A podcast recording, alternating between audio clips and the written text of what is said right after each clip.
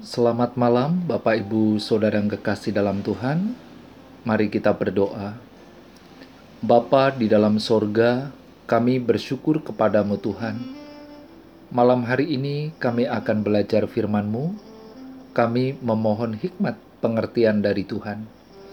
Di dalam nama Tuhan Yesus kami berdoa. Amin. Tema malam hari ini, hari Sabat. Markus pasal 1 ayat 21 Mereka tiba di Kapernaum.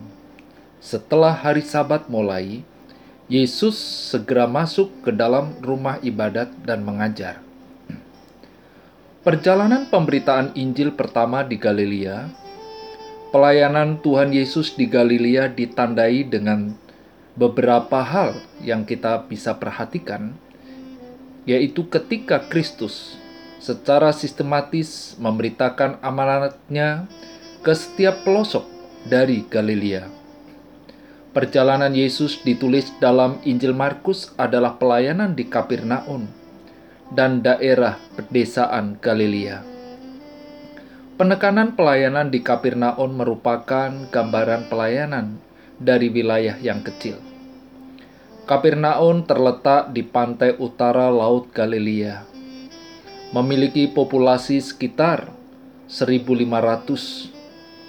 Yesus mengajar dalam sebuah sinagoge, rumah ibadah orang Yahudi di Kapernaum pada hari Sabat.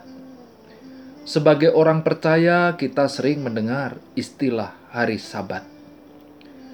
Hari Sabat gambaran mengenai hari ketujuh dari minggu orang Yahudi mengusung suatu nuansa dari hari yang khusus dan disucikan. Hari Sabat dikaitkan dengan motif penenangan, ingatan, ketenangan, dan peringatan. Sabat dikelilingi oleh pancaran kekudusan sebagai suatu hari yang dipisahkan dari yang biasa.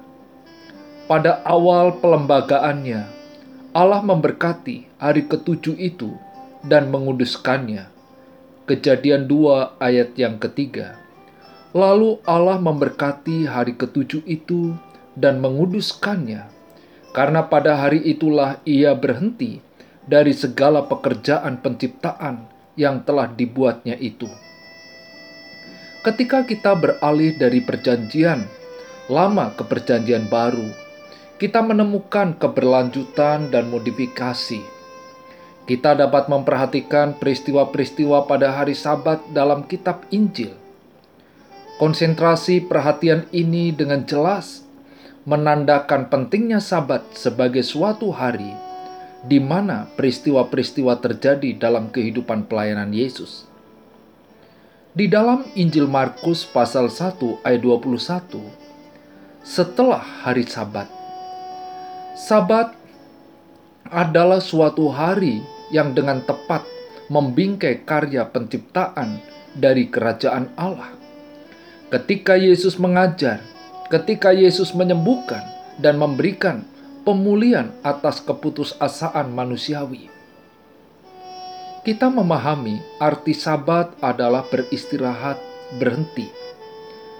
Pengertian sabat sebagai suatu hari yang dipisahkan untuk aktivitas religius ketimbang pekerjaan sehari-hari atau kegiatan rutin yang kita lakukan setiap hari. Sebagai seorang guru, karyawan, wirausaha, pelajar, atau siswa.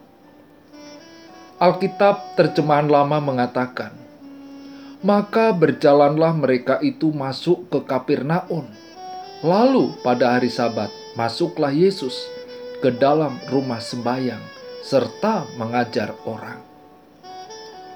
Bagaimana sikap saudara sebagai orang percaya dalam memaknai hari Sabat? Mari kita berdoa.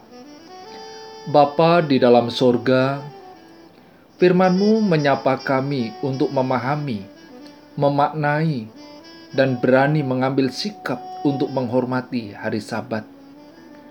Bukan sekedar kegiatan ritual atau kebiasaan yang kami lakukan setiap hari Minggu Kiranya Sabat menjadi perhentian yang sejati bagi kami kami alami di dalam hati kami, mengalami kasih Allah, mengalami hadirat Tuhan.